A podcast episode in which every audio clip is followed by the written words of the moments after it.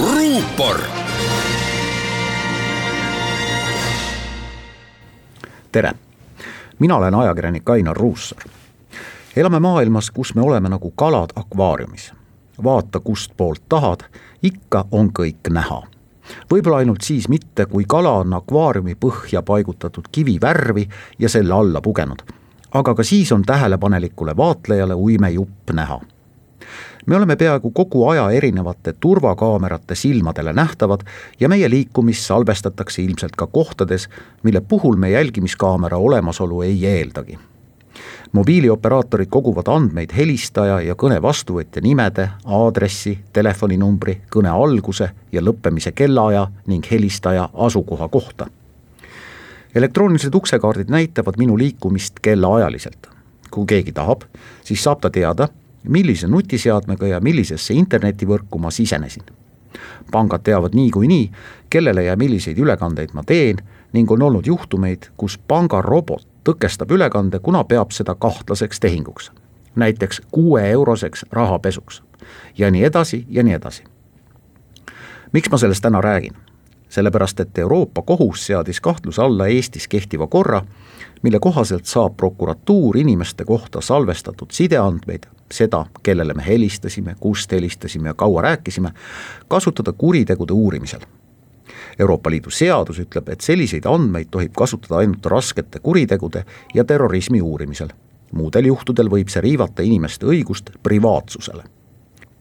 igaks juhuks rõhutan, et meie telefonikõnede sisu on siiski kaitstud, nagu ka meie eraelu meie korteris või hotellitoas välja arvatud siis, kui kohus annab mingil põhjusel loa meid sel moel jälgida, mis omakorda eeldab väga tõsist kuriteokahtlust. mitmed advokaadid on juba öelnud, et kui kogutud sideandmeid ei tohi õigusemõistmisel arvestada, siis muutub väiksemate kuritegude uurimine keerulisemaks ja ilmselt tõuseb ka kohtute koormus.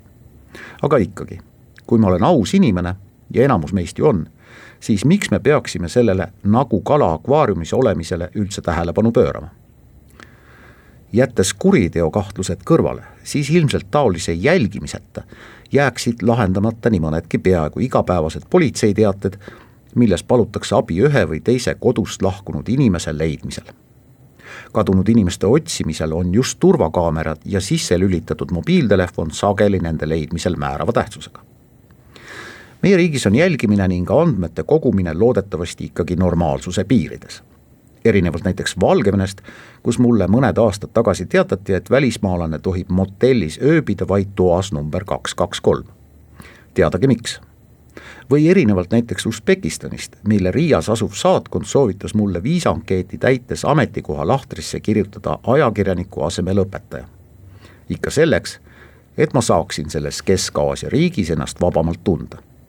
meenutan seda saatkonna soovitust siiani tänuga mind see andmete salvestamine ja turvakaamerate vaateväljas olemine ei häiri. või on mul siis piisavalt teisi probleeme, millega igapäevaselt tegeleda? oma lastele mõeldes tunnen ma isegi heameelt, et vajadusel on nende liikumine või asukoht tuvastatav nendesamade kaamerate või mobiilse positsioneerimise abil. andmete kogumise kõrval on meil teiseks oluliseks teemaks hoopis andmete salastamine, millele on tähelepanu juhtinud ka Andmekaitse Inspektsioon paljude ametnike käsi tõuseb liiga kergelt ja liiga põhjendamatult, et lüüa mõnedele paberitele tempelkirjaga ametkondlikuks kasutamiseks. aga sellest juba mõnel järgmisel korral. ruupor